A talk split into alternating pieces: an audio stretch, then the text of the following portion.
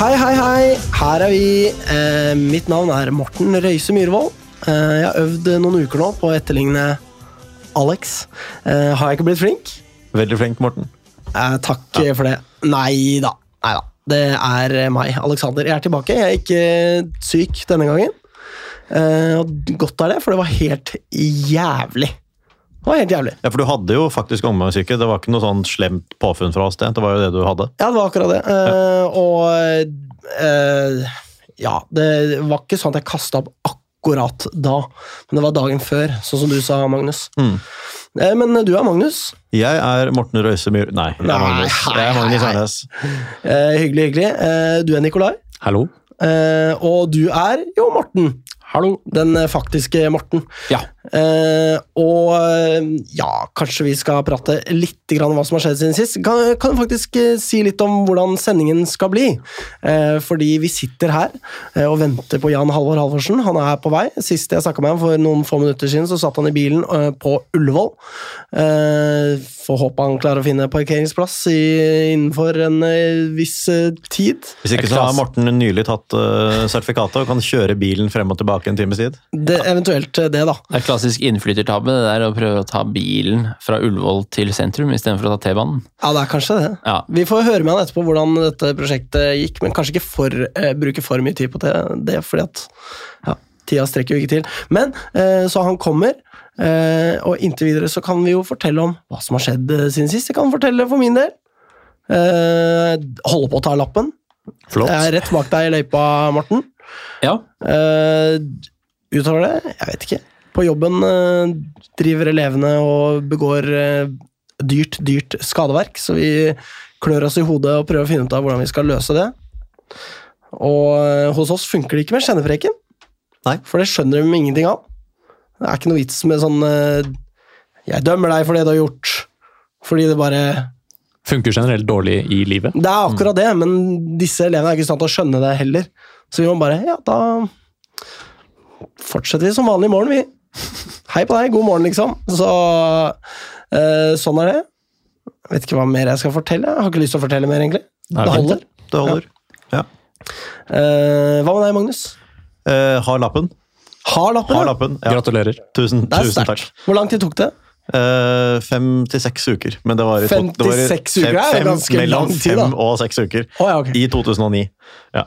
Eh, nei, uh, det er fortsatt mye Ukraina-greier på jobben. Jeg har to personer som avlaster meg, uh, men det er ekstremt mye å ta seg til. Så får vi se hvordan det går fremover. Det er jo ikke nødvendigvis helt sammenfall mellom situasjonen på bakken i Ukraina og hvor mye jeg har å gjøre på jobb, da. men litt henger det sammen.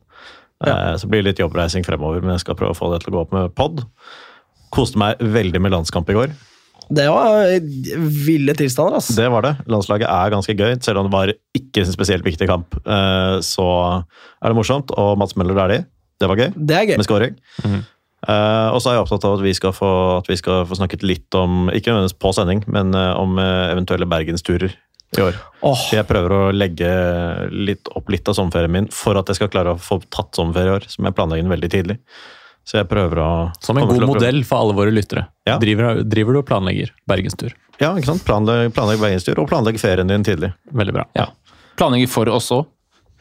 Eh, Ja, jeg liker foretrekker altså. å planlegge selv. Ja, Hvis det blir en busstur til en Ja. kamp, så må du gjerne planlegge for, eh, for Jeg meg at, også. at du planlegger liksom min bergenstur. Det kan jeg godt gjøre. Ja, takk. Ja. Men vi skal jo Det, Det blir blir to sånn. turer. Eh, en hvor vi flyr, og en hvor vi kjører kortesje. Og jeg har lyst til, ja, nettopp. Og jeg har lyst til å, jeg har lyst til å fly til Frøya, den eh, første. Fordi de to andre krasjer liksom ferie, ferie. Bli med dere òg, da, lyttere! Herregud, ja, bare bli med. Ja. Kan henge med oss, det går bra. Alex kan kjøre helt foran, jeg kan kjøre helt bak, forutsatt at du har lappen. da. Ja, det tar jo tid. Ellers kan du sitte på med Jan Halvor Halvorsen. Tar nok under 56 uker, men mer enn 5 til 6 uker. Nettopp. Det kan du tro. Hva med deg, Morten? Står til med håret Klippa deg i det siste? Nei, nei. Nei, det, det syns. Det syns jeg. Ja. Det kan hende jeg har klippa meg neste gang lytterne ser oss. Nå tror jeg du skulle til å si andre steder. Det holder vi unna en pod.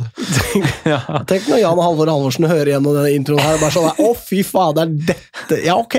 Ja. Ja. Men det er bra han ikke kommer til å høre det før han har satt seg her, da. Nei, det han, han får høre i ettertid, ja. Ja. Eventuelt. Hvis han gidder. Ja, ja eh, Det går bra med meg sånn ellers, da. Eh, Jeg gleder meg til sesong. Det Blir jo første ordentlige sesong det her, på mange år, føles det ut som. For, altså, I fjor så var det et halvt år, liksom.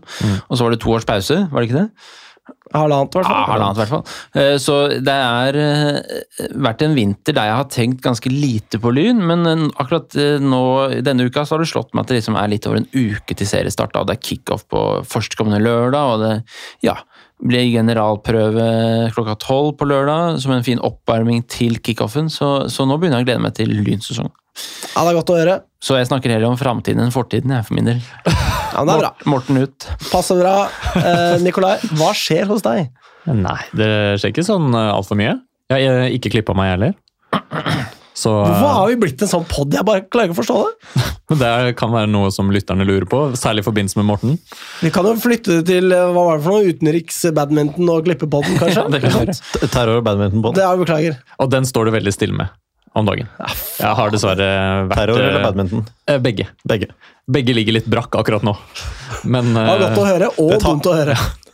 men Det så snart tar seg nok opp. Ja. Det kan hende at det tar seg opp. Så snart eh, long coviden forlater kroppen for alvor, da, da setter jeg i gang. Hva er, første, hva, hva, er første, hva er første prioritet, da? Hvis du må velge mellom hobbyene? Ja, Det er vanskelig å si. Ja. Det er veldig jevnt. Nei, men ellers utover det så gleder jeg meg til sesongen, jeg òg. Fy fader, nå nærmer det seg, og nå begynner det å være litt sånn norsk fotball ute på Twitter. Det er litt på TV, reklame for Eliteserien som kommer i gang. Det er litt som skjer. Det kjenner jeg at det er deilig. Ja, det er veldig gøy, det. Eh, Jeg skal se Lyn mot eh, Kjelsås eh, til lørdag. Det ja, kanskje blir kjipt, kanskje blir gøy. Uansett spennende å se laget og hvordan de fremstår og sånn. da. Det er det. Ja. Jeg var på Føyka i bitende kulde og så Lyn. Eh, ikke noen stor affære, men eh, det, er, det er litt deilig å se Lyn igjen. Ja, ja klart det er det. Det er lenge siden. Ja. Eh, og, at du skulle si noe, Magnus? Eh, Nei, egentlig ikke. Det var bare i forbindelse med at norsk fotball begynner igjen, så er det jo én cup som skal avsluttes, og den andre begynner samtidig. Så det er jo en litt For noe jævla ordning. tull, det der Jeg tror. NM-kvalikene er vel spilt en runde eller to av Ja, allerede. spilt, ja. For eh, neste års cup. Altså cupen som egentlig da er i år, men den forrige er ikke spilt ferdig. Det er jo sånn der hypercube-opplegg. det der, Så kan det hende at de må utsette cupfinalen vel fordi Bodø-Glimt Hvis Bodø-Glimt skal spille kamp i Europa, så må de flytte cupfinalen. Hvis de kommer til cupfinalen nå. Ja. Nei, for noe tull. Men eh, skulle vi kanskje Vi har jo eh, enda mer tid, eh, og da tenker jeg at vi bruker den på å snakke litt om damelaget. Hei, jeg heter Espen Hoff, og du hører på Vestkanttribunalet. Ja, siden sist har jo damelaget spilt to kamper. Dere hadde jo en knallfin samtale med Tom Stenvold, gutta boys. Takk, Det var spennende å, å høre på. Mm. Den andre gutten boy er da Morten. Ja. Ja, Nikolai, du var ikke med, eller? Nei. Nei, ikke sant? Og har ikke hørt det heller? Nei. For altså en skam. Alle som ikke er med på pod, må lytte. Det er min innstilling. Jeg jeg lytter i tillegg til å produsere, faktisk. Hver gang. Eh, men eh, de starter jo eh, ramsalt med å virkelig spille ordentlig bra mot Arna-Bjørnar. Eh, overbevisende, vil jeg kalle det. Eh, Lyn pleier ikke å starte så bra når det er ny sesong. Det ble jo lovet eh, dyrt og hellig at Lyn er bedre nå enn hva vi var på, i starten av forrige sesong, av Tom Stenvold. Det er selvfølgelig vanskelig å love det, men uh, syns Lyn fremsto veldig bra mot Arna-Bjørnar. Det Altså. så ut til å holde vann, eh, det han hadde snakket om. Det han snakket om hos oss, egentlig. ja. Han spådde jo lynseier, og det var vel en velfortjent seier. Ja, det var det. Og det er jo også noe med det å Man slipper inn ett mål, og da kan man jo eh, finne på å tenke at nå går det til helvete, fordi det er her Lyn mister hodet, og alle disse 17-åringene får dunderen, liksom. Og det har jo, har jo skjedd. Ja, det, det var jo Hele forrige sesongen Ja. var jo sånn. Ja, Det var mye som røk på slutten, og ikke bare spillernes feil, men det var også mye eh, underlige dommeravgjørelser som felte oss på slutten. Ja. Eh, men Lyn eh, karrer jo med seg tre poeng der, og det er strålende god prestasjon, vil jeg si. Gøy med. Anna Aahjem som startet sesongen med å score og eh, liksom eh, stake ut en kurs der, da. Og Kloss som får sitt første mål noensinne for Lyn, eller hva det var for noe? Det er mulig. Ja, det er jo Vi helt gratulerer. Hun er jo haugammal, 23 år, tror jeg. Herregud. Eh, ja, jeg tror, tror På tide at hun er, eh, drar, tror jeg. Langt over snittalderen. Ja. Ja. Ja. På he hele 21 år. Ja. Med Kirvil og Maja. Ja. Ja, det er ganske ungt. Ja, det. men det, altså, det er en sterk eh, borteseier. og Flott å åpne sesongen på den måten og følger opp liksom, treningskampen mot Brønnby der. Eh, og så skal det sies at Arna-Bjørnar gikk jo hen og tapte 7-0 mot uh, nystiftede Brann nå sist runde. Så, Tok en ja, Avaldsnes, som det kommer til å hete utover sesongen. Kan Ja, kanskje. Ja. Han var vel i ærlighetens navn bare 6-0. Bare, Ja. i hermetegn. Ja. Ja. Men eh, så eh, min eh, selvtillit på Lyns vegne var jo noe høy i kampen inn mot Vålerenga, det må jeg si. Og tenkte det at ja, kanskje kan sparke fra oss litt her. Lyn presterte jo tidvis ganske ålreit mot uh, sterk motstand uh, forrige sesong. Mm. Mm. På høyde med dem uh, i perioder, Nå trodde jeg du skulle si forrige helg. Nei. Nei. Fordi forrige helg var det litt andre boller. Jeg fikk ikke sett den kampen, for jeg var på en hyggelig date med min kone, men uh, skjønte det som at det var liksom grei utklassing der, da. Det var vel en fortjent uh, seier etter Vålerenga Det må vi kunne si. på Grorud. Ja. Ja, Hjemme- Ja, var det derfor, liksom? At eh, alle Nei. følte seg ukomfortable fordi at man var langt ute på østkanten, og uh, bare Yes, her i Rennestein trives vi! Ja, nei da, jeg tror, jeg tror ikke vi skal skylde på det. Jeg tror Vålerenga er spiller for spiller et uh, sterkere lag, har en mye større satsing, og det er greit nok. Det var ikke, det var ikke helt forferdelig, og ingen hadde regnet med noe poeng her heller. Og, og man fikk jo en stund hvor det var spenning om resultatet, da, selv om Vålerenga vel må sies å være uh, Klart best. Klart best på Spillemessig så, så holdt man jo på en ledelse en stund og fikk det nesten med seg inn til pause, og så var det ganske kontant ekspedert i Og det var jo gang. ikke fortjent på noen som helst måte at vi ledet 1-0. Nei, Det Nei. varte jo ganske lenge òg. Det var vel helt uh, på tampen av uh, Ja, første omgang første omgang at uh, Vålerenga scora. Det var det. Det er klart, Man kan alltid snakke om at vi kunne ha rodd i land en ledelse til pause, og sånn, men det var stor stor forskjell på lagene. Selv om vi hadde noen perioder der vi klarte å spille oss ut bakfra. Men, men samtidig, selv om vi har blitt bedre og tryggere i å spille oss ut bakfra, så var det var ikke mange pasningene innad i laget før vi ble, ble brutt høyt oppe, og det ble veldig farlige situasjoner gang på gang på gang. Så det var, det var jo en sjansebonanza mot Lyns mål og flere skudd i stolpene, og det var Ja, det kunne fort endt mer enn 3-1. Ja. Det var vel ganske solid keeperspill. Fra Kirvil, altså. Det var det også. Ja. Mm. Ja, så det var flere som sto fram der med Katinka positive Tandberg, eh, Absolutt. veldig, veldig positivt. Veldig, Ja. veldig Og... Det er jo ikke bra, fordi da eh, kommer hun til å gå tvert i Vålerenga etter sesongen. ikke sant? Ja. Det er sånn det funker, er det ikke det? Kan være. LSK er vel på ballen, LSK, selvfølgelig til LSK, hva er det jeg snakker om? Men hun var Eh, god. Tandberg var eh, ekstremt god, og Lyns eh, definitivt beste i mine øyne. Fikk, Men var Anna Åhjem fikk jo banens beste spillerpris. Det gjorde hun. Så gratulerer med det, og en flott scoring. Ja. Riktignok ikke veldig overbevisende forsvarsspill av Vålerenga der, men hun er på plass og header inn der, så det var en, stor opptur for hennes del, som har kommet ordentlig flott i gang da, i årets sesong. Ja, To på to er jo knallbra levert fra henne. Det er jo Hvor mange fikk hun forrige sesong? Jeg tror kanskje det var tre-fire eller sånn. Magnus, du sitter jo på laptopen, så du kan jo Eh, Ja, jeg kan jo det. sjekke det. Jeg har jo sagt Eh. før at jeg er liksom litt motstander av det at man alltid skal stille sånne spørsmål som du vet at ingen her har svaret på. Men det er nå, er sånn. Men- Skåret, eh, skåret fem mål i fjorårssesongen. Ja, ok. Da, da er hun jo kjempegodt i gang. Ja, av dem én mot Åsane og fire i serien. Ja, ikke sant? Nei, ja det, Så det er jo lover jo veldig godt. Er bare synd at Men er det sånn at det, målene nulles ut halvveis også, eller er det bare poengene? Ja, det, altså det, det vil jeg vel ikke tro at de gjør Du tenker på liksom sånn toppskårerpris, da. For på fotball.no så vil de jo stå oppført, åpenbart. Ja, Jeg tror ikke NFF har tenkt på det. Jo, men tenk på det. Eh, de fire beste lagene skilles ut. Mm. Eh, da har jo ikke de noen sånne der, eh, nisselag de kan dumpe sju-åtte skåringer Nei, så det, det kan tenkes at uh, årets toppskårer i toppserien spiller for liksom det femte beste laget i toppserien. Det, Ja, det kan man tenke seg. I Så den grad det er en toppserie lenger når det kommer to lag fra førstedivisjon. Det som kommer til å skje, vet du Man har to toppskårere, ikke sant? Fordi hva da med førstedivisjon? Hva skjer med toppskåreren der? Mm. Teller ikke de målene lenger når de skal opp i den der nedrykksserien, eller hva det heter for noe? Eh, Noe sånt heter det, ja. Mm. Ja. Men da blir det vel bare toppskårer i grunnserien og toppskårer i sluttspillet, liksom. Men har dette noen Men da får du jo to allikevel, da. Ja. Ja. Det er så jævlig teit! av alle problemer ved dette nye seriesystemet, så er den ganske langt ned på listen. Eh, Ja, men eh, like fullt ytterligere et problem ved det jævla dumme konseptet der. Ja. Nå skal liksom norsk damefotball bli en av de beste begynner å like det litt. jeg. Hva, Nei, Klapp igjen, du gjør ikke det. Fordi Nå skal liksom norsk damefotball bli en av de sterkeste ligaene i Europa ved å gjøre det på den måten her. Bare glem det! Det, er, det, funker ikke sånn. Nei, da Altså, jeg ikke det. det handler jo om økonomi, det her. ikke sant? Og skal det bli mer, bedre økonomi i norsk fotball Jeg bare Jeg gir meg en over. Det er det jeg gjør. Ja.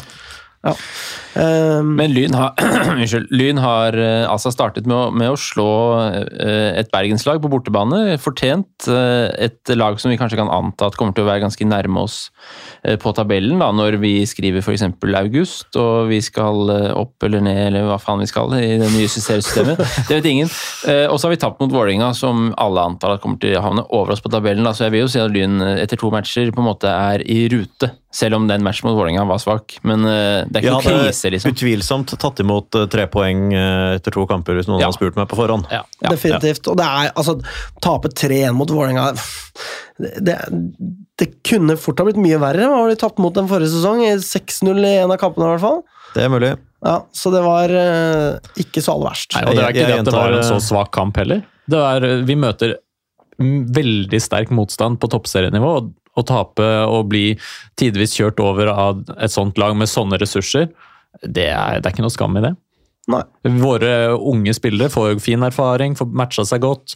Og jeg syns flere sto fram med mange fine prestasjoner. Jeg syns Hernes på midten jeg synes gjorde, gjorde en, en Jeg vet ikke om dere fikk med dere det, men en nydelig tunnel på midten der og satte i gang en flott kontring. Det var noen gode øyeblikk for flere av de unge som eh, jeg tror, de tar med seg videre og bygger på at det var noen ting som, som sitter bedre i Lyns grunnspill, da, selv om motstanden var veldig, veldig tøff. Mm. Eh, neste runde blir da borte mot Stabæk. Det er jo presumptivt eh, et lag vi burde kunne slå, så det blir jo spennende å se det. Eh, det er nå på søndag klokka 15.00, så eh, det er bare å følge med. Lyns sesong er langt fra over, selv om den eh, kommer til å være over halvveis, da. På en måte. Det er bare kjedelig derfra ut. Tipperesultat? Ja, det kan vi gjøre. Jeg tipper Lyn vinner eh, 2-0. Bra. To skåringer av ÅM. Oi. Nikolai? Her tipper jeg 1-1. Ok, Helt på, ok. helt på det jevne. Helt på det jevne. Jeg tipper at eh, Lyn vinner 2-1. jeg. Fire. Ja, Fire, ja, selvfølgelig. Sterkt. Eh, Takk. ja, det er strålende. Eh, da tror jeg vi skal gå hen og fortsette å vente på Halvorsen, som kommer Ja, han kommer faktisk eh, her, han. Jeg heter Kadinka Fri Sandberg, Og jeg heter Julie Urde. Og du hører på Vestkanttribunalet. Ja, der var han faktisk. Jan Halvor Halvorsen, velkommen til oss i Vestkanttribunalet. Ja, tusen hjertelig takk. Um, og da tenker jeg kanskje vi kan starte med å la deg introdusere deg selv. Du har jo, altså For de aller ivrigste av oss så har vi fått med oss Brynepoddene. Vi har hørt deg i Trikkeligaen, men det er kanskje ikke alle våre lyttere som har, så få høre, Jan Halvor. Hvem er du? Ja, jeg er altså 59 år blitt. Eh, har jobba med fotball siden jeg debuterte for Porsche eh, i Obos-ligaen i 1978. Så det begynner å bli noen år. Så jeg har vært trener nå i, eh, ja, i 26 år. Eh, og spiller før det 18-19 år. Så har fått med meg, kan du si, jeg har spilt eh, i Norge, jeg har spilt i Danmark, jeg har spilt i England, jeg har spilt i Tyskland som spiller, og så har jeg vært trener da i Norge på høyeste nivå, og vært trener i Sverige på høyeste nivå, og i eh, MLS i USA på høyeste nivå. Så det er sånn kort oppsummert, og så har jeg fire barn. To barnebarn. Uh, vært sammen med kona mi i 32 år, som jeg traff i Berlin når jeg spilte i Hertha Berlin. Så uh, hun er trønder, så ja, det er vel litt, lite grann. Fort og greit. Ja, ikke sant? Uh, men For en merittliste. Ja, det det, må vi det. kunne si. Det er, det er veldig stas å ha en sånn kapasitet i Lyn. Det er jo Vi var alle litt sånn starstruck når vi så navnet ditt. Det er, eh, det er fantastisk å ha en som har vært med på det du har vært med på, både på spillersiden og på trenerdelen. Det er altså det, Når hadde vi noe sånt i Lyn? sist. Vi hadde, jo, vi hadde jo en periode så hadde vi Drillo som var liksom oppe og hjalp til på feltet. Det er klart, det var stort, men det var en litt annen rolle enn en, eh, en 100 %-stilling. Ja, det var vel sånn defensiv trener, eh, var det ikke det? Det var vel det, ja. Jeg lurer på om jeg så det på Twitter, faktisk, at rekken rekken lyntrenere er liksom utelukkende uerfarne folk, egentlig. Så du er jo et brudd i rekken sånn sett, at du kommer inn med masse rutine, da. Ja da, ja da, jeg har jo det, så, men eh, altså, jeg tror det som er viktig, er liksom at når man går, eh, går på, eh, om man er urutinert eller rutinert, men at man går inn med hele seg, da, og at man virkelig liksom tenker at dette er noe som er veldig spennende. Mm. Eh, men fordi eh, det er jo sånn at du nå kommer fra en uh, førstedivisjonsklubb. Uh, du var i Bryne i forrige sesong. Uh, du går to nivåer ned til eh, Lyn, og da er jo vi litt nysgjerrig på eh, denne ansettelsesprosessen din. Hvordan, funge- eh, hvordan eh, eh, ble du kontakta, og hva var det dere snakket om før du valgte å ta jobben i Lyn? Du og Skullerud, Ja. går jeg ut fra? Ja, nei, altså, for å si det sånn, da, som dere vet, så jeg har jo vært med på det meste. Jeg har trena tipp, eller altså Eliteserien heter det nå, da. Jeg har trena Obos, jeg har trena ja, Notodden var vel i andredivisjon, men jeg tok over i 2006, og så rykka vi opp. Men jeg, jeg, altså, for meg er det liksom vært den her trenergjerningen har vært mer prosjekter. Jeg har liksom ikke eh, liksom higa etter å liksom skal trene Molde eller Rosenborg, men mer prosjekter hvor jeg kan komme inn og bygge opp noe over tid. da. Eh, og det har liksom blitt litt min bane i trenergjerningen, egentlig. Eh, så de plassene jeg har vært, og jeg har vært ganske heldig eh, i og med at jeg har vært trener så mange år og vært stort sett hver plass i en ja, alt fra tre til fire-fem år, to, tre, fire, fem år.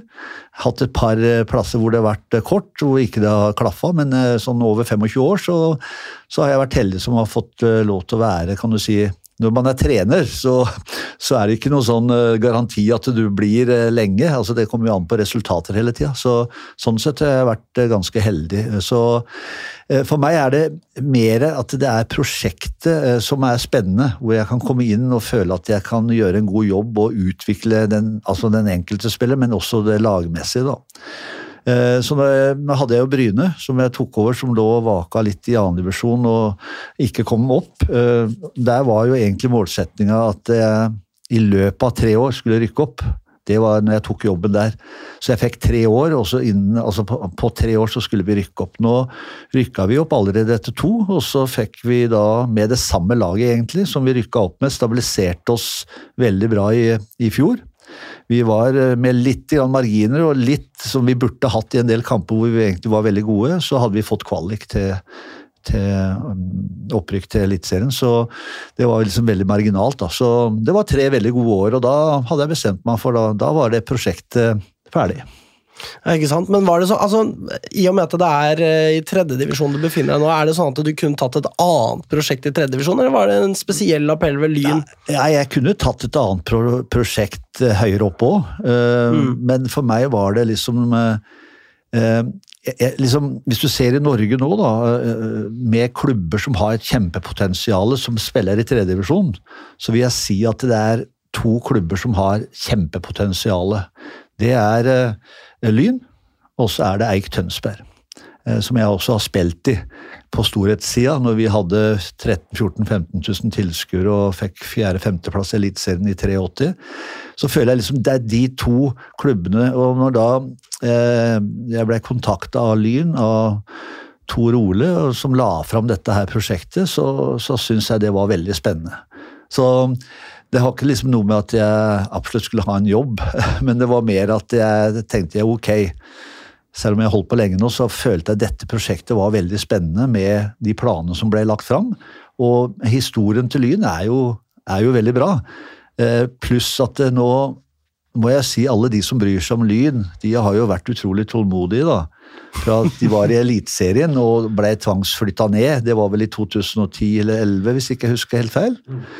Eh, så, så føler jeg liksom det, Alle disse Lyn-tilhengerne har jo vært utrolig tålmodige. og eh, Derfor så tente jeg på det prosjektet, at eh, jeg gjerne ville være med sammen med alle de andre. Da tenker jeg på alle i klubben. Eh, De spillerne som er der, de som vi har fått inn, men også alle de rundt, da, sånn som dere og bataljonen og alle som bryr seg om Lyn. Og være med Bastionen. på Eh, Ja, Bataljonen er Brann. Jeg eh. Ja, ja, jeg, Ja, ja. jeg, sa feil. Men som, som bryr seg om klubben, da. Og det var det som liksom tente den gnisten i meg at jeg Ja, jeg tar ett prosjekt til med 120% og så all in. Eh, Og angrer ikke på det. Jeg ville ikke bytta dette prosjektet mot å trene et eh, eliteserielag eh, eller et Ja, hvis dere skjønner hva jeg mener. Så føler jeg at dette her er mer, mer spennende nå. Du kan si mye om lyd med et prosjekt, det er det. Ja, Definitivt. ja, det er jo det. Og det som er viktig, da, eh, for å si litt om det, det er liksom å få bygd opp en, for første en god treningskultur i laget. Bygge opp et sterkt kollektivlag. Men så er det også viktig da, at eh, dette går litt hånd i hånd. Altså, da tenker jeg på med klubben, det sportslige, administrasjonen, at det, at det går litt hånd i hånd oppover. For det, man ser mange tilfeller at eh, administrasjonen kan ligge langt foran det sportslige, eller det sportslige langt foran administrasjonen. Og da blir det ikke, altså det blir som regel dårlig. Eh, Men hvis man klarer å få bygd opp dette her sakte, men sikkert, og at det går litt sånn hånd i hånd, så tror jeg det kan bli veldig bra på sikt. da. Men av de to i Lyn, hva tenker du ligger lengst fremme der? Av det sportslige og administrasjonen? Nei, jeg vil si at det det, det ligger jo ganske likt egentlig nå. Nå holder man jo på å bygge opp. eh, eh, Nå har jo Bjørn eh, er på heltid som daglig leder, som er viktig. Tor Ole er inne som sportslig leder, som også er viktig med sin erfaring. Vi har fått inn Glenn, som er min assistent, som har da lang fartstid i Lyn, og som virkelig har hjerte hele hjertet sitt i Lyn, som også er viktig, og som virkelig brenner for dette her. Vi har fått inn Onar som keepertrener, som er erfaren, som også da bor et steinkast unna eh, Kringsjå. eh, Som også bryr seg veldig om Lyn, så jeg føler liksom at vi er veldig godt på vei. Pluss at vi har nå en spillerstall som hvor vi har fått inn spillere som jeg er veldig opptatt av, som virkelig ønsker å spille for Lyn. Fordi at de ser på det på samme måte, at dette skal vi være med på. At ikke vi får inn spillere som er mette eh, over det topp, og som egentlig ja, vi, ja, Kan du ta et, par, et år eller to i Lyn? Det, det går ikke. Så vi har en sulten gruppe nå som eh, jobber steinhardt hver eneste økt, eh, og det er viktig. Dette er musikk i mine ører, eh, må jeg si. altså. Fordi det har jo vært litt tendensen, kanskje, tidvis opp gjennom de siste årene, at vi har hatt Det har kommet inn spillere da, som har vært veldig gode, og som har vært ment å være de som skal være helt i toppen, og så har de kanskje ikke vært fullt så seriøse som det har vært nødvendig da, for å, at Lyn skal ta Ja. det Ja, steget opp. som kanskje selv har sett på det som litt sånn nedtrapping, ja. Ja. Det, og, og det er jo sånn en litt sånn, stem, en sånn stemning som til viss grad kan sette seg litt i klubben også, når man har følt at vi hører hjemme på et høyere nivå, vi skal opp igjen. Det må gå snart. Det, hvis det ikke går i år, så går det i hvert fall neste år. Når du holdt på sånn lenge nok, da, så er det lett at den sulten forsvinner litt sånn internt i klubben. Ja, og det, og det, og det, og det Altså, jeg har jo som trener vært eh, heldig også, da, på en måte, men jeg har vært med på seks opprykk. Og det å, det å rykke opp det er liksom ikke bare å si at eh, ja, i år skal vi rykke opp, så da trykker vi på den knappen, og så rykker vi opp. Det fungerer ikke sånn.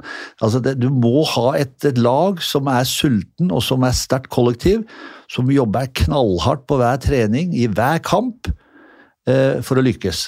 Eh, og da nytter det ikke å ha med, med noe daukjøtt. Altså, enkelt og greit. Altså, eh, de plassene jeg har vært, så jeg, jeg er veldig opptatt av at vi har spillere som ønsker å utvikle seg, ønsker å bli bedre, og samtidig har ambisjoner selv på det nivået her.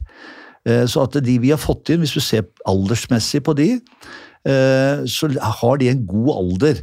Altså, og det er også viktig, da. ikke sant? At eh, man tåler treninga, man tåler intensiteten, man orker å jobbe. Det er for meg det viktigste, da. Ja, fordi eh, nå er vi jo litt eh, inne på neste punkt eh, på min agenda her, som er dette her med disponering rundt troppen. Da. Og da lurer jeg egentlig på hvordan du går frem for å bygge et kollektiv og et samhold i en gruppe. Da er det viktig at man har det jeg er litt- inne på nå, at du, du må ikke ha noe, noe bad apples altså i gruppa som liksom tenker nei, det her orker jeg ikke. Eller som, da må de heller finne seg en annen plass å spille. I Lyn så skal det være da en gruppe som kommer til trening hver dag, som ønsker å ha ett mål. I den treninga her skal jeg få maks ut av, og så skal jeg prøve å bli bedre på enkelte ting. Hele tida at man strekker seg og presser hverandre, og respekterer hverandre for den de er. Fordi i spillergruppe med 22 mann, eh, så er det sånn at du har 22 forskjellige personligheter. Så er det liksom sånn at noen er sånn, og noen er sånn. ikke sant? Noen trenger å øh, få litt mer oppbakning enn andre, noen trenger å få et, et, et mer spark i ræva enn andre. ikke sant? Men at det, den totalen er at det, det er en sammensveisa gruppe som respekterer hverandre, og som ønsker øh, å presse hverandre, samtidig ønsker hverandre vel. da og lykkes. Og det, det, det har jeg, føler jeg nå at vi har allerede nå ganske bra på plass, egentlig. Og det, det er jeg veldig glad for. For vi er bare i mars uh, foreløpig. Uh, sånn at den gruppa ser veldig sterk ut i sammen. Ja, Så bra. Um, for det er jo også noe med dette her med å altså Det er jo et godt utgangspunkt, det du snakker om nå. Mm. Uh, samtidig så er det jo sånn at man skal gjennom en lang sesong. ikke sant? Uh, la oss si at uh, vi har en periode hvor vi ikke presterer så godt til det. Kan jo skje et hvilket som helst lag, det. Uh, og eh, så er det jo sånn at Lyn har jo da tidligere snublet på målstreken. ikke sant? Det har på en måte tidvis tydet på kanskje litt svak syke når det, er, når det gjelder. Når det er i avgjørende øyeblikk, ikke sant? Ja, og det, det er jo helt riktig. Altså, eh, hvis du ser en fotballsesong, så er det som et maratonløp. Så den, man, den starter på startstreken og så skal man passere linja, og så er det liksom målsettinga å passere først. Og da er det liksom viktig underveis her, og tunga rett i munnen, at eh, er du tre kvart eller halvveis, og så leder du med mye, så må du alltid tenke ja, ja men eh, målstreken er helt her borte. Og Samme er det hvis du ligger litt etter. så at det, liksom det å ha den der, det, altså tunga rett i munnen og tenke på at det er et langt løp, så gjelder det å være stabil. Jo mer stabil du er, jo større sjanse er det at du kommer først over målstreken. Ja, og for, og for, å holde på den stabiliteten, da, ja. så må du jo på en måte jobbe litt med psyken til spillerne. Eh, så hvordan, hvordan, håndterer du på en måte psyken til spillerne rundt dette her med å håndtere press? Ja, det, det, også, altså det som er viktig, er at skal du lykkes, da, så gjør du ikke det med elleve spillere.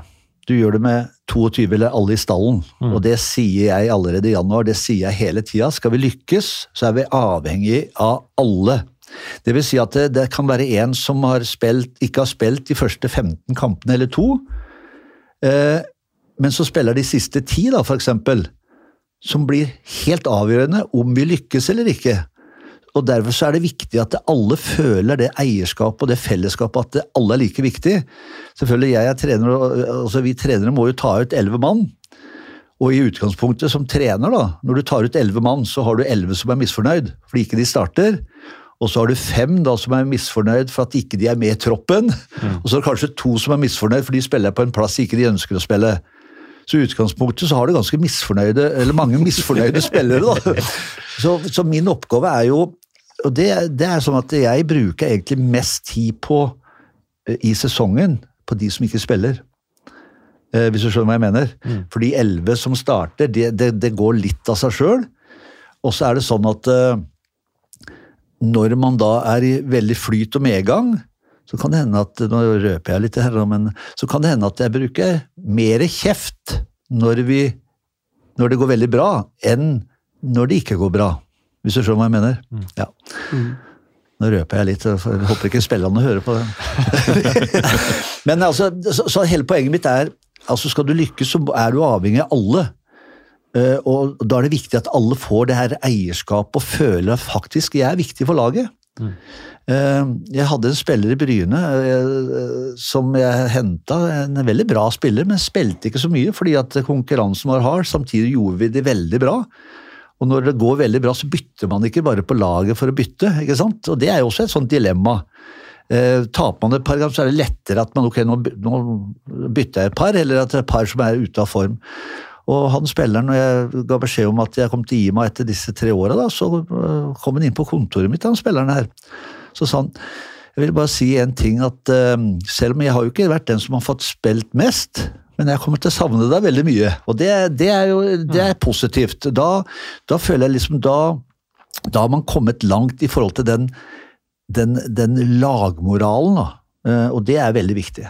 Ja, det er klart. Og da lurer jeg på, sånn, i hentingen av nye spillere, eh, hvordan eh, arbeider dere for å sørge for at det er de riktige typene som kommer inn, som bidrar til dette her samholdet, som, som har den der sulten som du Bare fortsett å prate du, Nikolai. Ja. Nei, altså eh, Nå ble jeg jo distrahert av den der telefonen. Det er sikkert min som holdt på å ringe. Eh, Lyden er jo av, men ja. eh, ta, det, ta det en gang til. Jeg bare lurer på, i rekrutteringen av nye Ja, spillere Ja, ja.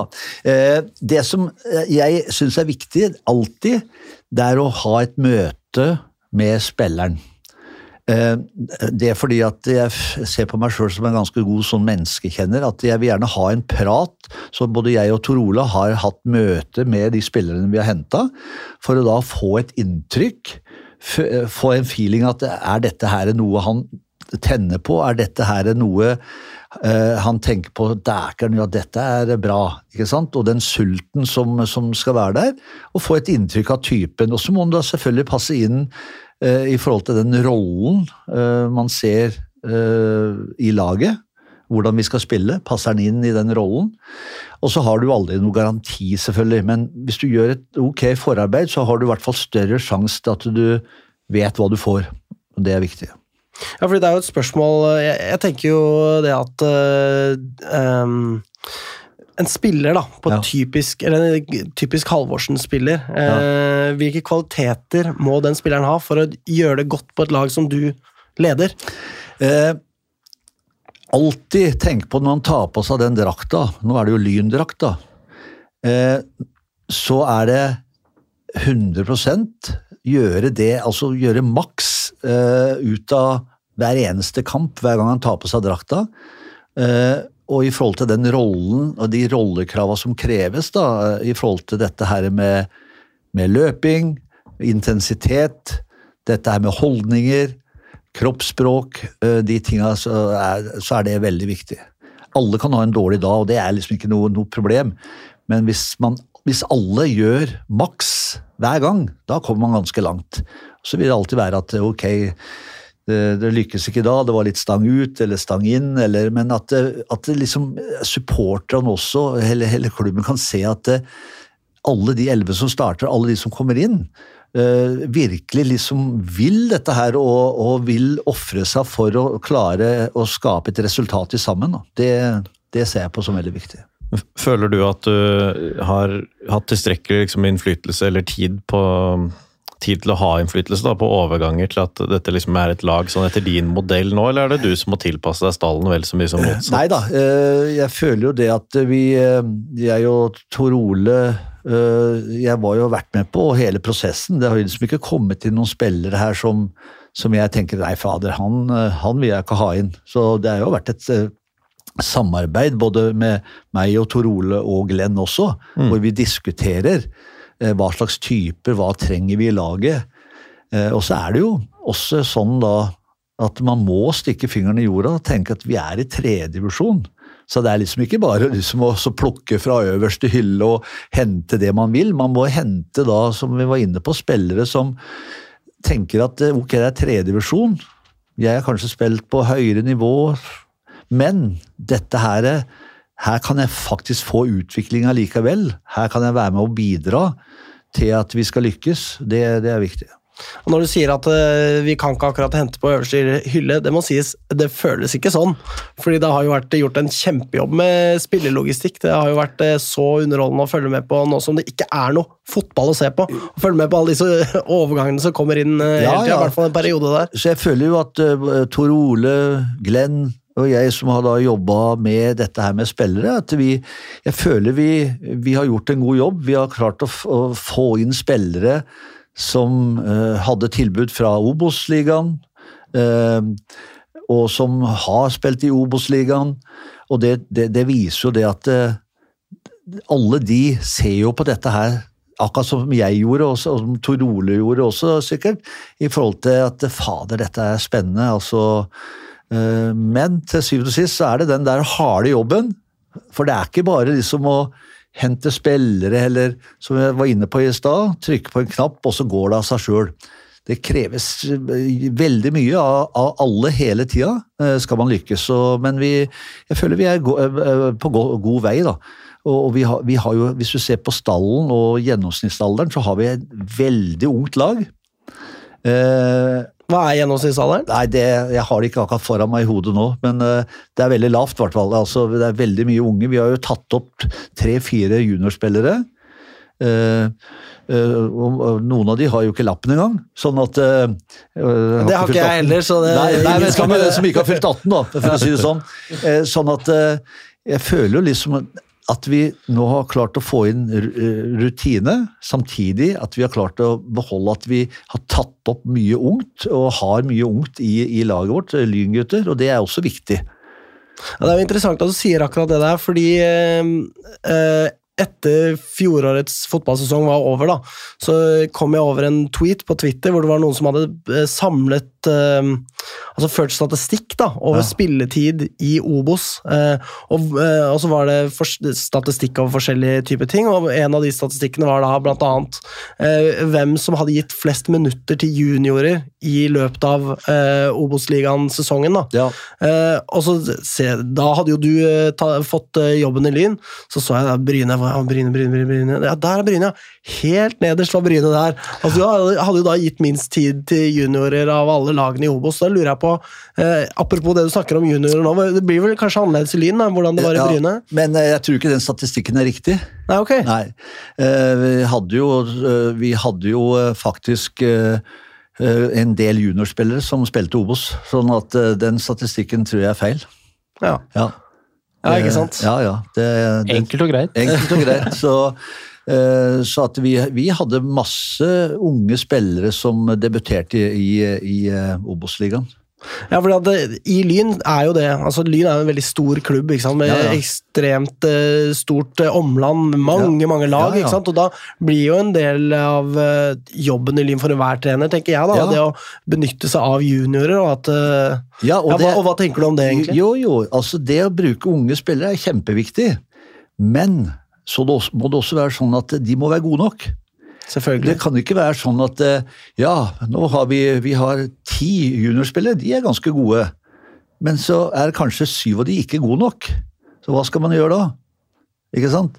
Altså, det som er viktig, er at du gir de unge sjansen til å utvikle seg. Og altså, jeg debuterte sjøl da jeg var 15,5 i 1978. Eh, Så altså, alder har jo ikke noe å si. Om du er 16, eller om du er 18 eller 19. Poenget er at det, men du må være klar for det, og være god nok eh, for det. ikke sant? Du kan ikke bare sette inn på eh, fire juniorspillere. Ja, det er viktig, ja, vi må jo bruke juniorspillere. Eh, Sånn at det må være en sånn balanse, da. Eh, Og det er, det er veldig viktig. Mm. Også de juniorspillerne som nå er henta opp i A-troppen, er det spillere som er tiltenkt å få være med og få litt sånn følelsen på nivå, eller er det Alle de er, kan være gode nok til å være i elveren. Mm. Eh, Vi har jo en eh, Martin Bakken som skåra to mål mot Follo, så fikk han jo kyssesyken. Han er 17. Han er jo en spiller allerede nå som, som er kjemper om å starte første seriekamp. Sånn at eh, Mm. Og vi har, vi har jo ja, fire stykker da, som alle er aktuelle. da. Og, det, og det, er, det er veldig bra. Det er jo gøy at du trekker frem bakken, da, fordi jeg vet ikke om du har fått med deg Det er sånn Instagram-takeover i dag av eh, spillerne på A-laget. Ja. Da trekker jo eh, William eh, selv trekker jo frem nettopp bakken. da, oh, ja, okay. Som en som kan eh, overraske i årets sesong og være en Ja. sånn. Han har han vel eh, plassert på tredjeplass av årets De har gjettet på skal være årets toppskårere. Ja. Jeg vet ikke hva du tenker om det? Nei, altså Han er jo indreløper, men en veldig smart, eh, god altså til å være såpass ung. eh, Og som sagt så skåra han jo to kjempefine mål mot Follo i den kampen. Eh, Nå fikk han uheldigvis kyssesyken etterpå, så han har vært, men nå har han begynt å trene igjen. Eh, Vi har Kristian Sjoric, eh, Sjoric, som er en veldig spennende indreløper, midtbanespiller, som vi har tatt opp. Og så har vi jo Mathias som har operert kan du si den, den her lysken sin, men som er tilbake i løpet av ja, jeg vil si to-tre uker nå, tenker jeg. Så er han klar igjen. Så at vi har veldig mange unge, spennende, spennende spillere. Daniel Schneider. Mm. Eh, Spennende ung spiller.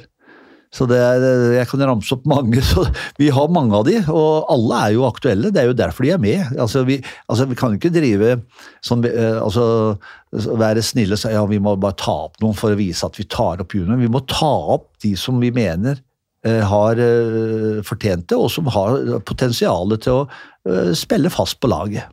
Ja, Det er jo ikke nødvendigvis motiverende å bli tatt opp eh, i avstanden og falle igjennom heller. Nei, nei det er ikke, da er det jo bedre at de går kanskje en annen plass og spiller og kanskje utvikler seg og, og, og kommer tilbake igjen. Det ser man jo i tilfelle høyere opp også, at eh, noen trenger kanskje da, eh, som er i en eliteserieklubb, så trenger de kanskje å bli leid ut og spille, spille annendivisjon, bare for å spille 90 minutter. Når jeg var trener i Bodø-Glimt, så hadde jo vi en ung, veldig spennende midtbanespiller. Eh, Mathias Nordmann. Eh, men som ikke var klar til å kunne spille da på A-laget vårt. Og da leide vi den ut til Alta i annendivisjon, for at han skulle få matcha seg og spille annendivisjon og voksenfotball ordentlig. Og kom tilbake og var jo en mye bedre spiller, bare etter det ene året. Så at det, det er liksom litt sånne ting man må se på også, for det eh, Nå er jo vi på et nivå hvor det er lettere selvfølgelig for disse unge å få spille enn det er i Eliteserien. Men mange unge er jo veldig utålmodige, og de skal gå liksom til eliteserieklubb. Men så blir, blir treningshverdagen god, men så blir kamphverdagen elendig. Og da stopper utviklinga. Så noen ganger så er det bedre for disse unge da å ta da kanskje et utlån, spille voksenfotball, spille 90 minutter, 90 minutter, 90 minutter, og så tilbake igjen, og så er man mer klar. Eh, Jeg lurer på om vi skal ta en liten pause igjen nå, eh, og så er vi tilbake om eh, straks. Jeg heter Stefan Gislason, og Lyn er en verdens beste klubb. Eh, Vi er tilbake, og vi skal snakke litt om taktikk. Eh, Nå har jeg jo hørt på disse her podkastene du har figurert i nå i det siste. Du har sitert flittig fra Brynepodden ja, ja, gjennom vinteren, du. Så. Eh, Det var interessant å høre det. Eh, Og da er det sånn at du uttaler at du foretrekker 4-3-3, eh, men at du ikke er låst til noen tallkombinasjon, har du jo også sagt. da. Eh, Men da er spørsmålet Da ligger vel svaret der allerede, men eh, hvor rigid eller fleksibel er du når det kommer til system? Er det sånn at du skal ha det på bestemt vi- vis, eller kan det flyte litt mer, eller? Ja, nei, altså, jeg har jo eh, hatt 4-3-3 i alle år. Eh, veldig opptatt av dette med å skåre mål. Eh, hvor er målet, liksom? Hvor står målet hen? Det står ikke på midtstreken, det står liksom i hver ende, da.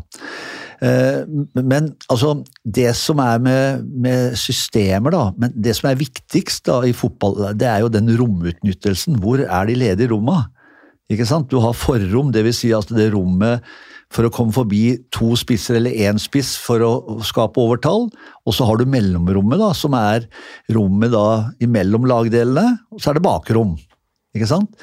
Eh, Så, så det er jo det, uansett om du spiller sånn eller sånn, så er det liksom det med romutnyttelse som er, er hele clouet. Eh, Hvordan straffe motstanderen, hvor er de ledige romma, hvilke rom kan vi angripe? Står motstanderen høyt, så er jo det et signal til å bruke f.eks. bakrommet. Har du hurtige folk framme, som jeg er litt opptatt av å ha når vi spiller med to vinger, eh, og to indreløpere, altså så har vi litt hurtige folk og, og kan få strekt motstanderen, så er det veldig enkelt, for når du får strekt motstanderen, så åpner mellomrommet seg. Så det er liksom litt, litt sånn, da, men det jeg er veldig opptatt av, er jo dette her med, med å score mål. øh, Dette med å spille, altså at man har full fart framover når man har mulighet. Eh, Både overganger, men også pasningsvalget. At man hele tida tenker på at man spiller ballen hurtig framover. eh, For å skape da ubalanse eh, for motstanderen. Og jeg spiller jo med veldig offensive sidebacker. Jeg er veldig opptatt av å fylle opp i boks på hvert innlegg med minst tre til fem spillere, så at vi alltid har mye spillere i boksen når vi kommer til legg, f.eks. Eh, samtidig, da, å ha en balanse hvis du scorer mye mål, så er det ofte at eh, du slipper inn mye mål. Skårer du ikke mål, så kanskje du er flink til å ikke slippe inn mål, men det å finne den balansen med å kunne skåre mye mål, samtidig være gjerrig bakover, det er eh, ikke alltid lett, men det er, eh, det er fullt mulig. Ja, fordi eh, vi har fått et lyttespørsmål av, eh, på Twitter da, av at sdietrix. Eh, mye kontakt med podden på Twitter, faktisk, eh, som eh, stiller spørsmål hvordan skal Lyn skåre mål. For Du sier dette her med å angripe lag som står høyt osv., men det er jo kanskje ikke eh, som regel det kampbildet man ser eh, Lyn ha. Man stanger ofte mot det det, det- eh, lag som spiller lavt. Da. Så spørsmålet hans er da hvordan skal Lyn skåre mål mot motstandere som legger seg dypt og er fornøyd med ett poeng. Ja, Nei, og det, det, det blir akkurat på samme måten. Den romutnyttelsen. Hvor er de ledige romma? Hvordan kan vi straffe lag som ligger lavt? Eh, si at du spiller mot 4-4-2, da. Bare for å ta et eksempel. Så er dette med forrommet eh, eh, viktig i forhold til å komme forbi de to spissene. Når du er forbi de to spissene, da må motstanderen ut med en midtbanespiller og støte. Så vil det alltid bli overtall. Eh, mot lavtliggende lag så er det en, noen ting som er veldig viktig. Det er dette her med å ha balltempo, dette her med å rulle opp og få bretta det ut og komme til innlegg. Og få masse situasjoner inn i boksen. Samtidig da også bruke, hvis du har en litt stor, sterk spiss med å, få, eh, med å få ballen opp på siste tredjedel og presse etter, presse høyt for å beholde ballen der. Fordi det, det å møte lavtliggende lag hvis du vrir om på det, istedenfor å tenke at ja, det er vanskelig, så er det jo en fordel. For du, for det første får du et psykisk overtak med at motstanderen er redd og legger seg lavt. Vil si at du ofte kan ha ballen på siste tredjedel, og når ballen ofte er på siste tredjedel, så er også sjansen større til å skåre mål. Hvis du skjønner hva jeg mener. Så eh, clou, da. Balltempo. Få rulla opp, få rulla de ut. Eh, Få slått veldig mye innlegg, og ha da, sånn som jeg er veldig opptatt av, tre, fire, fem mann i boksen hele tida. Så er det ubehagelig. Ja, for det, det er veldig viktig, eller veldig godt å høre at du snakker om det med å ha mange i boks, for det er jo noe av det som i hvert fall vi som har sett mange lynkamper de siste årene, er vant til at det slås en god del innlegg, men det er ikke nødvendigvis noen inn i feltet når de slås Eh, kanskje er det én, og han er som regel ikke den enden av feltet innlegget legges i. Man slår innlegg fordi man vet at man skal slå innlegg, helt uavhengig av hvem som er der inne. Når det kommer legg, så skal vi ha minimum tre spillere i boks. Det er liksom, det, vi øver på dette hele tida. Det vil si at når vi kommer til legg, så har jeg alltid da det vi øver mye på, motsatt kant skal være så langt inn at han kan skjære mot første, dra med seg masse oppmerksomhet. Spissen skal være sentralt. Den nærmeste inneløperen i 45 eller inn i boksen, motsatt inneløper alltid inn bakerst. Det vil si at du alltid har da dekt opp alle sonene, kan du si, når legget kommer. Og klarer vi å få til dette her, så er det veldig vanskelig å stoppe. Fordi da, da blir det mye bevegelse og løp. Det verste er, eh, mot, det verste er at hvis man kommer til legg, så slår man ikke legg, man drar ballen tilbake igjen. Hva skjer da? Jo, bevegelsene stopper, og så blir det stillestående. Mye lettere å forsvare seg mot. Og det har vi jo sett mye av i fjorårssesongen, der vi ble rullende rundt og rulle over på andre sida, så kommer det ikke noe legg, bevegelsen stopper. Eh, og så har det jo vært òg at vi har eh, eksponert oss veldig. I det vi faktisk har klart å få opp eh, mange i boks, at vi har stått igjen eh, med, vi har, med offensive bekker, og det er eh, et hav av rom der vi har blitt, eh, i kamper vi har dominert stort, har endt opp med å slippe inn veldig enkle mål. Man har jo til dels løpt seg bort. Altså Man har liksom tatt de løpene inn i boksen, og så har man fullført løpene uten at det kommer noe innlegg. Og så Ja. står man rett og slett bare igjen. Ja, og fordi, ja, og det, altså Jeg har vist spillerne en video i januar-februar. eh, Litt fra et par situasjoner fra Bryne når det gjelder returløp. Hvordan det skal se ut. Eh, Og det er ganske fascinerende, fordi eh, jeg tror det er den videoen jeg visste, har vist alle spillerne, én og én, er mot HamKam hjemme. Hvor, eh, hvor vi har dødball, og, og HamKam kontrer. Eh, og så ser du da i bildet, eh, idet kontringen går, altså ti røde skjorter som sprinter i 100 km hjem. og, og du ser da, når da HamKam kommer da opp til midtstreken, holder på med kontringen, så er det da ti røde på rett side. Så jeg er veldig opptatt av altså dette her med returløp, eh, men også disse offensive løpene når vi kontrer. Men, så, så hele poenget er jo at eh, hvis legga ikke kommer, da, hvis de blir dratt tilbake igjen, så stopper bevegelsen. Eh, Så at det er veldig viktig at når vi kommer til innleggsfasen, så må legget komme, og så er løpa på vei. Og da vil du alltid kunne skape mye eh, målsjanser og skåre målet. Det høres lovende ut, jeg må jo si det. Det høres Ja. også ut som du har en viss faglig tyngde. Ja, og så er det jo sånn, da, vet du, så er det jo sånn at man kan planlegge ting. Eh, Når kampen begynner, når man er trener, så vet du jo aldri hva som skjer. Altså Det kan være noen har en dårlig dag, det kan være dommeravgjørelser Det er så mange ting som på, altså mange, ting som, eh, mange faktorer som påvirker. Men altså planen er jo der hele tida, ting vi øver på. Og det er det som er artig å være trener. Hvis du øver på ting på trening, så ser du igjen i kamp, f.eks.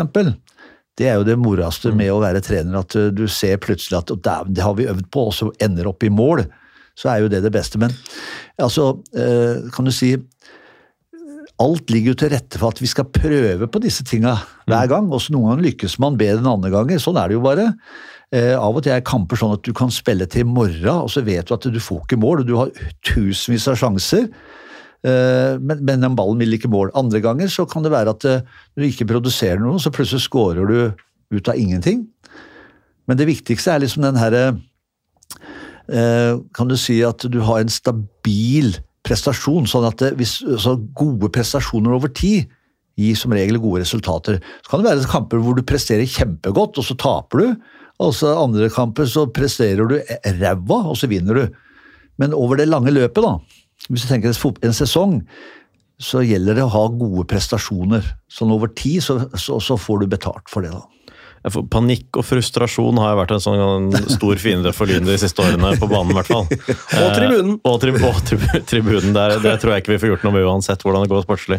Så tror jeg det kommer til å være mye panikk på tribunen. Men, eh, men det jo, har jo virkelig vært et sånn gjennomgangstema i Lyns eh, spill. Da, altså at man blir, man blir liksom ettmålsledelser også. Hvordan man Alt av taktikk bare forsvinner ut av vinduet siste kvarteret. Ikke nødvendigvis fordi motstander foretar seg så mye heller.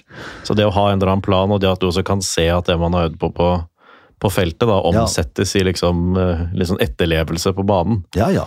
Det, Og så, og så er det jo alltid sånn, sånn taktisk, ikke sant, at eh, i oppspillsfasen for eksempel, da, på spissen vår, så skal vi ikke slå for at han skal stusse eller flikke, men mer fra bryst, bryst og ned. Men så kan det være sånn at eh, hvis det er ti minutter igjen, ikke sant, så kjører du opp en ekstra stopper, eller, og du pumper ballen inn for å få, prøve å få et mål. Altså, det er jo liksom sånn plan B ut ifra de tinga. Men i hovedsak så, så er det liksom det å prøve å følge det vi øver på hele tida, som spillerne har trua på, som sitter liksom litt i ryggmargen i forhold til den taktiske biten, offensivt og defensivt. Så kan det være nyanser i forhold til eh, at man trenger et mål, eller f.eks. hvis motstanderen kjører opp en ekstra svær en på slutten når man leder 1-0, så ok, så kanskje man setter inn en ekstra stopper for å demme opp for det. Så det, det er liksom mange, det er sånn spill-motspill, dette her, da. Og så har jo, jeg har jo sett de intervjuene du har gjort med, i peisestuen der og sånn, så har det vært snakk om ok, nå har vi litt fo ekstra fokus på å ligge i ramma, av det Ja. defensive, Ja. eh, og andre mer eh, det offensive. Hvordan syns du at vi ligger an per dags dato, etter sånn som du ønsker at det skal se ut, både med det offensive og det defensive? Jeg syns vi har kommet eh, ganske langt. Det er også sånn at hvis du møter lag som i utgangspunktet er dårligere enn da, så kan det hende at det av og til det er smart også dette tilbake. Hvorfor? Jo, for å lokke de ut, ikke sant? Sånn at de plutselig Og der kan de få litt tid til å spille, for da har vi muligheten til å straffe de. Ikke sant? Så, sånn at det er liksom Det er mange sånne taktiske vrier og, og tankeganger. Eh, hvordan, når du ligger i ramma, hvorfor gjør man det? Er det for at vi skal demme opp og være redd for å slippe mål, eller er det for å lokke motstanderen ut for å få en gevinst offensivt? Der skulle man tro at 45 års erfaring kan komme til nytte, i hvert fall. Ja, jeg håper det. Mm. jeg lurer på om vi skal ta en ørliten eh, pause, og så er vi straks tilbake igjen. Tjena, det her er Eddie Gustafsson. Beste fansen i hele Norge kommer fra Lyn fotbollklubb. No question. Ja, um, jeg tenker vi skal snakke litt om eh, prosjektet Lyn. Der vi har snakket om disse treårsprosjektene du har hatt. Eh, Og når du starter med et sånn nytt treårsprosjekt, hvor er det viktigst å starte i arbeidet med et sånt eh, prosjekt? Hva er det første du gjør inn i en ny klubb? Det er jo å se litt på spillergruppa. eh, Se litt på stallen som er der. Eh, Er det noe man kan gjøre fort? Er det noe man må ta litt over tid? Eh, I forhold til eh, spiller og rollene i forhold til hvordan man ønsker å spille. For det, er jo ikke bare treneren som skal sette det, det er jo liksom Man må få med alle spillerne på dette her, ikke sant? Og ha trua på det. Ja, det er, dette ser bra ut, dette er bra, ikke sant? Sånn at det å sette sammen en stall som da Hvor du har en, eh, Som er sulten, og som, som ønsker, som jeg var inne på i som ønsker å utvikle seg og ønsker å, å og, har ambisjoner om at dette her eh, jeg ønsker å nå lengst mulig og bli best mulig. Eh, Så en sulten spillergruppe er veldig viktig. Og jeg var inne på i stad dette her med treningshverdagen. At, eh, at det er spillere som ønsker å komme på trening for å bli bedre. Ikke som kommer av ja, det er for å ha, liksom, slå i hjel et par dager i, i uka, men, eh, men som er sultne på, på utvikling og har ambisjoner. Da du takket ja til det å bli lyntrener, eh, kom jeg på spørsmålet altså, hvordan vil du si at liksom, tilstanden i Lyn var da, i, i etter fjorårssesongen, da du ble tilbudt jobben? Ja, altså jeg, jeg hadde jo ikke fulgt med Lyn så spesielt mye. Jeg kjente ikke til stallen så mye sånn sett. Eh, Tor Ole hadde jo vært med, eh, vært med en stund, så kjente jo til stallen mye bedre enn det jeg gjorde. Det jeg gjorde, var at jeg, når dette begynte å bli aktuelt, så så jeg litt video. Jeg så noen kamper fra fjoråret, så jeg liksom danna meg et inntrykk av en del av spillerne som spilte der i fjor. Eh, Sånn at jeg fikk et godt innblikk i, i det. Eh, Og så selvfølgelig Tor Ole da hadde da mye mer oversikt over, over helheten i, i stallen som var, da. Ehm, men fordi eh, du sa litt om eh, hvor det er viktig å starte i et sånt eh, prosjekt. Hva er det som har blitt gjort i Lyn fra din side så langt? Vil du si grove trekk? Eh, Nei, det er jo det å få på plass, eh, være med da, sammen med de andre, med Glenn og Tor Ole, få på plass spillere eh, som jeg mm, mente, eh, og vi mente var eh, eh, gode forsterkninger for oss, som kunne ta, eh, ta denne utviklinga med, samtidig dra med de unge med sin erfaring, men som samtidig da virkelig eh, har ambisjoner og, og ikke var mette. Det, det var det viktigste. At eh, man har en sulten gruppe, det er det, er det viktigste. Og så er det jo dette her med, som jeg er veldig opptatt av når jeg tar over lag, det er å prøve å skape en god sentrallinje. Det vil si liksom at liksom keeper, sentral, spiss, altså midtstopper At du i den sentrallinja har mest mulig rutine. eh, Og så kan man fylle på de andre eh, ganske, ganske bra, da. Og det føler jeg vi, vi har fått. Vi, nå har vi jo to, bra, to veldig gode keepere. Uh, Alex og, og Fredrik. To ganger Pedersen uh, der, det er jo gøy. ja, uh, og så har vi da William kom jo i fjor sommer, rett fra altså, Eliteserien. Eh, Magnus eh, Tvette, eh, som har spilt Obos-ligaen. Og så har vi da Sander Noreid, som er tilbake fra skade. Randers, som er en ung, veldig spennende, god midtstopper. Og så har vi da David framme, som da har erfaring fra Obos-ligaen, og som, som også er litt sånn den store, sterke spissen som eh, i den måten vi spiller på, er ganske viktig. Ikke det at det må være det, men, eh, men som er også en, eh, en, en veldig god fotballspiller. Så vi, jeg føler liksom vi har fått inn den sentrallinja, samtidig så har vi fått inn da Kristoffer Lundqvist, Lindqvist, som er eh, oversulten på å bli enda bedre, som har vært i Eliteserien, Obos-ligaen. Ole Breistøl, eh, som eh, også har, eh, har erfaring fra Obos-ligaen. Så jeg føler liksom vi har fått inn spillere som har en god alder, og, og som, samtidig som er sulten. Så har vi fått inn Herman, som er bare, han er vel bare 23 år, som var i Sandefjord og har som masse klubber snusa på. Eh, som vi klarte å få lokka til oss, og som er en fantastisk, altså fin type som passer veldig godt inn i, i resten. Så jeg føler liksom alle de vi har fått inn, passer veldig bra inn, både i garderoben, men også sånn rent kvalitetsmessig på banen. Eh, og hvis vi skal se fremover, da. Hva, hva er det, hvilke grep kommer til å gjøres uh, den kommende tiden? Hva er viktigst herfra og fremover? Nei, nå starter jo sesongen om uh, halvannen uke. Nå har vi jo en uh, treningskamp mot Kjelsås, som er et godt annendivisjonslag. De slo vel Skeid nå i helga. Uh, nå har vi hatt en del sykdom, uh, men nå fikk vi to kamper på fem dager nå, som var veldig viktig. For jeg fikk testa ut eh, mange som fikk 90 minutter, noen som ikke hadde spilt 90 minutter på lenge eh, i den siste kampen. Og det var også bevisst at var, vi skulle prøve la Nå var jo heldigvis noen veldig, var sjuke da, som eh, til, var tiltenkt å, å starte den kampen. Eh, noen måtte spille sånn halvsjuke. Både Ole Breistøl og, og Herman var jo smådårlige den Ullensaker-kampen, men de spilte litt over noen gang. Så jeg føler liksom nå at alle har fått bra med spilletid.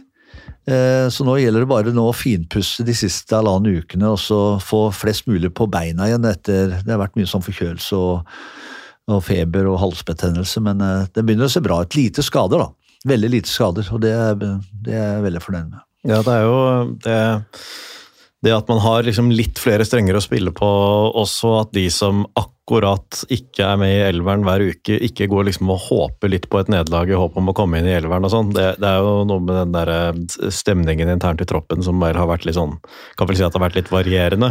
Eh, Ja, noen sesonger, og det, ja, det, at, det at ingen eh, Ingen av de som sitter på benken liksom håper litt på et poengtap bare Ja. for å få spille. Nei, det, den attituden kan vi ikke ha. Nei. Eh, Fordi det, det, vil bare, det vil bare liksom smitte, og så blir det verre og verre.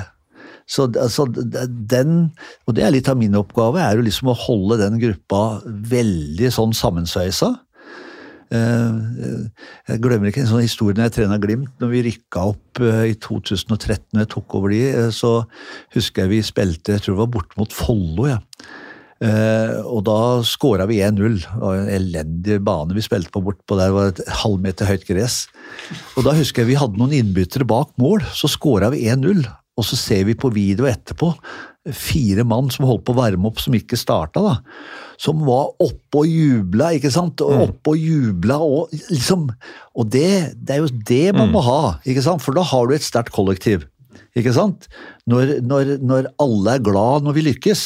Og så kan det være den ene uka, så kan det være den som eh, spiller, og så kanskje den.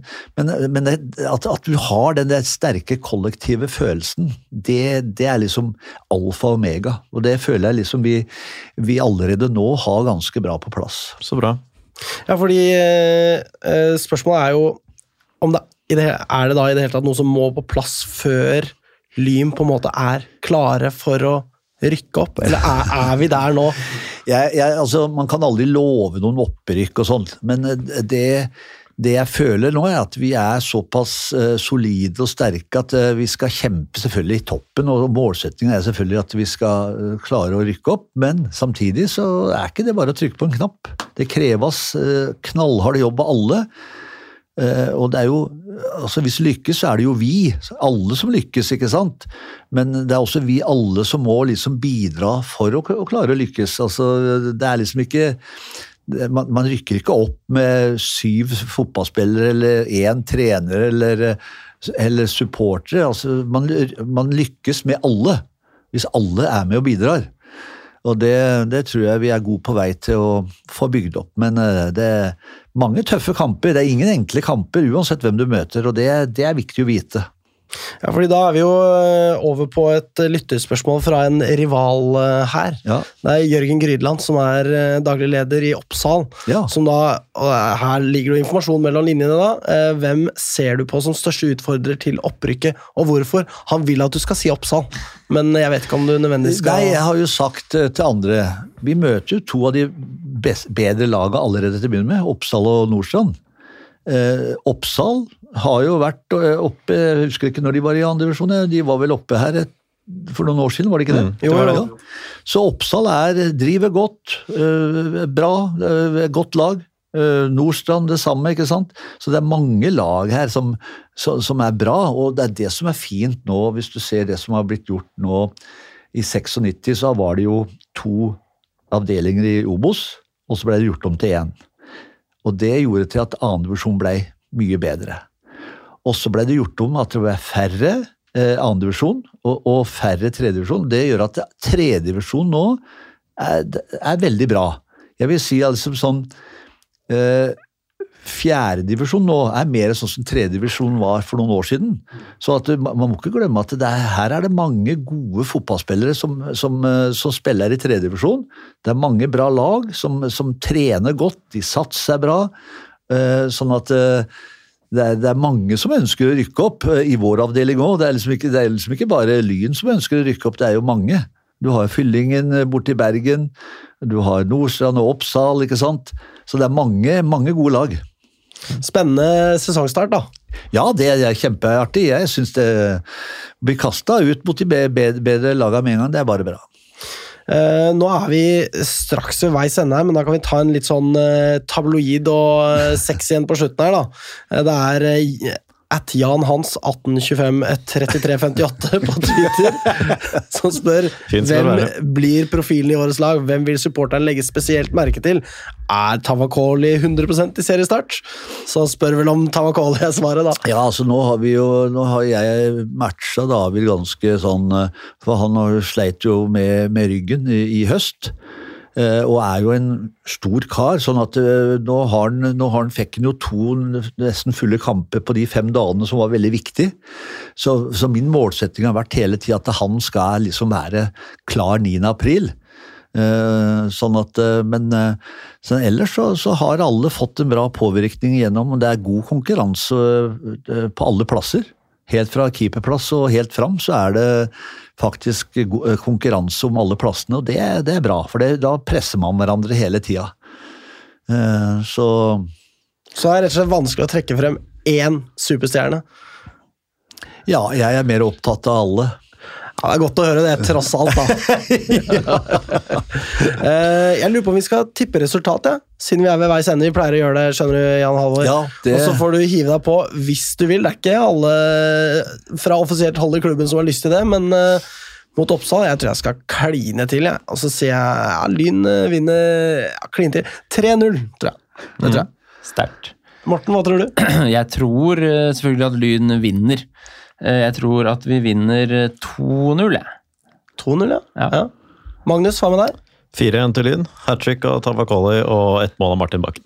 Og det må sies, Han sier alltid 4 igjen, Jeg sier altså, alltid 4-1. uansett. Ja, jeg tror det blir um, jeg tror det blir tøft og jevnt, og vi som vanlig møter lag som er kjempetente på å slå oss, og ønsker mer enn noe annet å få det til. Men det hjelper ikke. Det kan bli tøft. Jeg tror vi tar det 2-1. Jan Halvor, tør du? Jeg tipper ikke. Nei, Nei, jeg skjønner. det er greit. Uh, Jan Halvor, det har vært en glede å ha deg her. Uh, masse lykke til med sesongen. Vi kommer til å følge med tett, sånn som vi alltid gjør. Eh, jeg må si for min del har veldig troa på det, på det prosjektet ditt. Altså. Det har jeg. Ja, Takk for det, det var hyggelig å høre. Også. husk på nå hva jeg har sagt om en fotballsesong. Det er et maratonløp. Eh, Det er ikke over før målstreken er passert. Så satser vi på at eh, det er det rette laget som passerer målstreken først uh, seint på høsten. Vi skal prøve å minne lytterne på det, altså. Eh, så da Kickoff vi eh, til helgen. Ja, Nevne det. ja. Eh, før Kjelsåskampen. Kickoff Kjelsås-kampen er klokka tolv. Jeg håper vi skal ha kickoff etter kampen, Det hvis ikke blir det en veldig tidlig fest. Og så blir det kickoff når klokka Det vet jeg ikke. Klokka seks på perrongen pub Klokka seks på Perrongen pub. Ja, og da, dit kommer vel du også, Jan Halvor? Dobbeltsjekk tidspunktet, siden det er Morten som sier det. Eh, det er nå, riktig. nå, er jeg jo litt lei meg når du spør, fordi den helga er Og jeg fikk jo vite dette her for eh, ikke så lenge siden, at det var kickoff da, og da er jeg dessverre bortboka. bort akkurat den kvelden. Så, men Glenn kommer. Ja. Så Ja, ja. han får være en eh, god step-in for meg, eh, dessverre. Men eh, Eh, sånn var det bare, eh, og det er noe jeg ikke kan forandre på, dessverre. Så Du har treårskontrakt, så vi tar det til neste år. vet du. ja, det er helt, helt klart. Ja, Bekreft, bekrefte det. Perrongen pub ved Majorstuen T-banestasjon 18.00. Veldig bra. strålende. Eh, Så da takker vi for oss, og da sier vi spør ikke hva Lyn kan gjøre for deg, spør heller hva du kan gjøre for Lyn. Takk for oss. Kom igjen, Lyn, kom igjen, Lyn, kom igjen, Lyn, kom igjen, Lyn, kom igjen, Lyn! Moderne media.